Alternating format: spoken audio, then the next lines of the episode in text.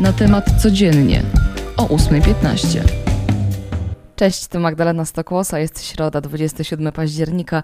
Zmiany, zmiany, zmiany na początek, chociaż rząd twierdzi, że są tylko kosmetyczne, to jednak mamy kilka nowych nazwisk do nauczenia, ale po kolei. Zacznijmy od tego, że nie prezydent, a premier dwie godziny przed oficjalnymi nominacjami potwierdził przypuszczenia. Ubiegł Andrzeja Dudę, ale mocy nominowania nowych członków Rady Ministrów jeszcze Mateusz Morawiecki nie ma, także tak czy inaczej nominację wręczył już później prezydent. Mamy nowego ministra rolnictwa i rozwoju wsi, został nim Henryk Kowalczyk zastąpił mocno krytykowanego Grzegorza Pudę, który nie pozostał bez pracy i został powołany na ministra funduszy i polityki regionalnej. Piotr Nowak przejmie stanowisko ministra rozwoju i technologii, Tadeusz Kościński będzie ministrem finansów, z kolei Anna Moskwa została powołana na funkcję ministra klimatu i środowiska. No i na koniec nowo powstały, a ściślej mówiąc y, jeszcze raz powołany resort sportu i turystyki, którym ma zarządzać teraz Kamil Bortniczuk z Partii Republikanów. Więcej o sylwetkach nowych ministrów przeczytacie na natemat.pl. Zmiany mają również dziać się, jeśli chodzi o obronność państwa. Mariusz Błaszczak i Jarosław Kaczyński przedstawili nową ustawę o obronie ojczyzny. Dokument zawiera zapisy o tym, aby przede wszystkim zwiększyć nakłady finansowe na wojsko i jego liczebność, ale nie chodzi tutaj o jego podwojenie, ale o zwielokrotnienie, powiększenie tych szeregów, jak podał prezes PiSu. Nie przedstawiono szczegółów dotyczących tego, ile to będzie kosztować. Wiadomo na pewno, że nie wraca obowiązkowa służba wojskowa, natomiast będzie można odbyć dobrowolną roczną służbę wojskową, w czasie której żołnierz będzie dostawał 4400 zł brutto wynagrodzenia. Po roku służby będzie miał pierwszeństwo w przejściu do armii zawodowej lub dostanie gwarancji zatrudnienia w administracji państwowej. Całkiem dobry deal. E, dziś Senat rozpoczyna trzydniowe posiedzenie i z najważniejszych punktów oczywiście budowa zapory na polsko-białoruskiej granicy. Przypomnę, że ustawa o budowie została przez Sejm przyjęta w trybie pilnym.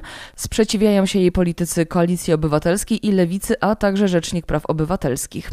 Kontynuujemy sagę o wycieku z poczty ministra Michała Dworczyka, bo wyszła właśnie nowa część.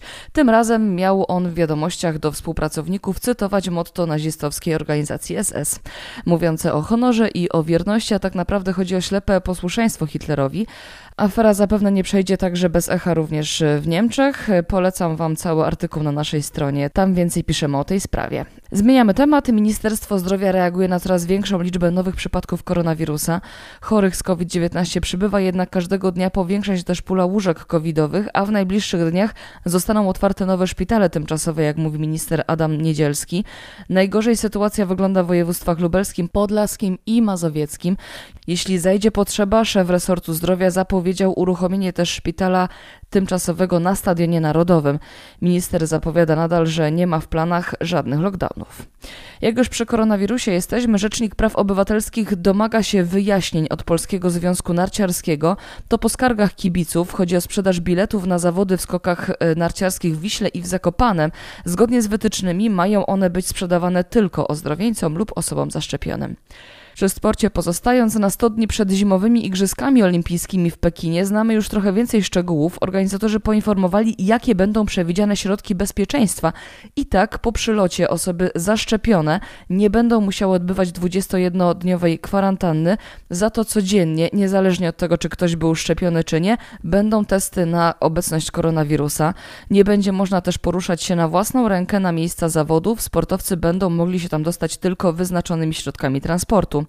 Wiemy też, jak będą wyglądały medale. Tongxin, czyli Razem jesteśmy jednością, to slogan opisujący projekt kolekcji. Będą nawiązywać do symboliki neolitycznych znalezisk w Chinach.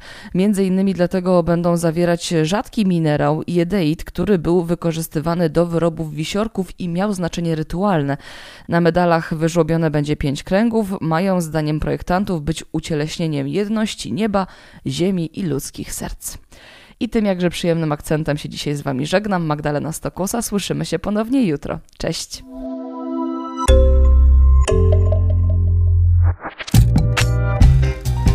Na temat codziennie o 8.15.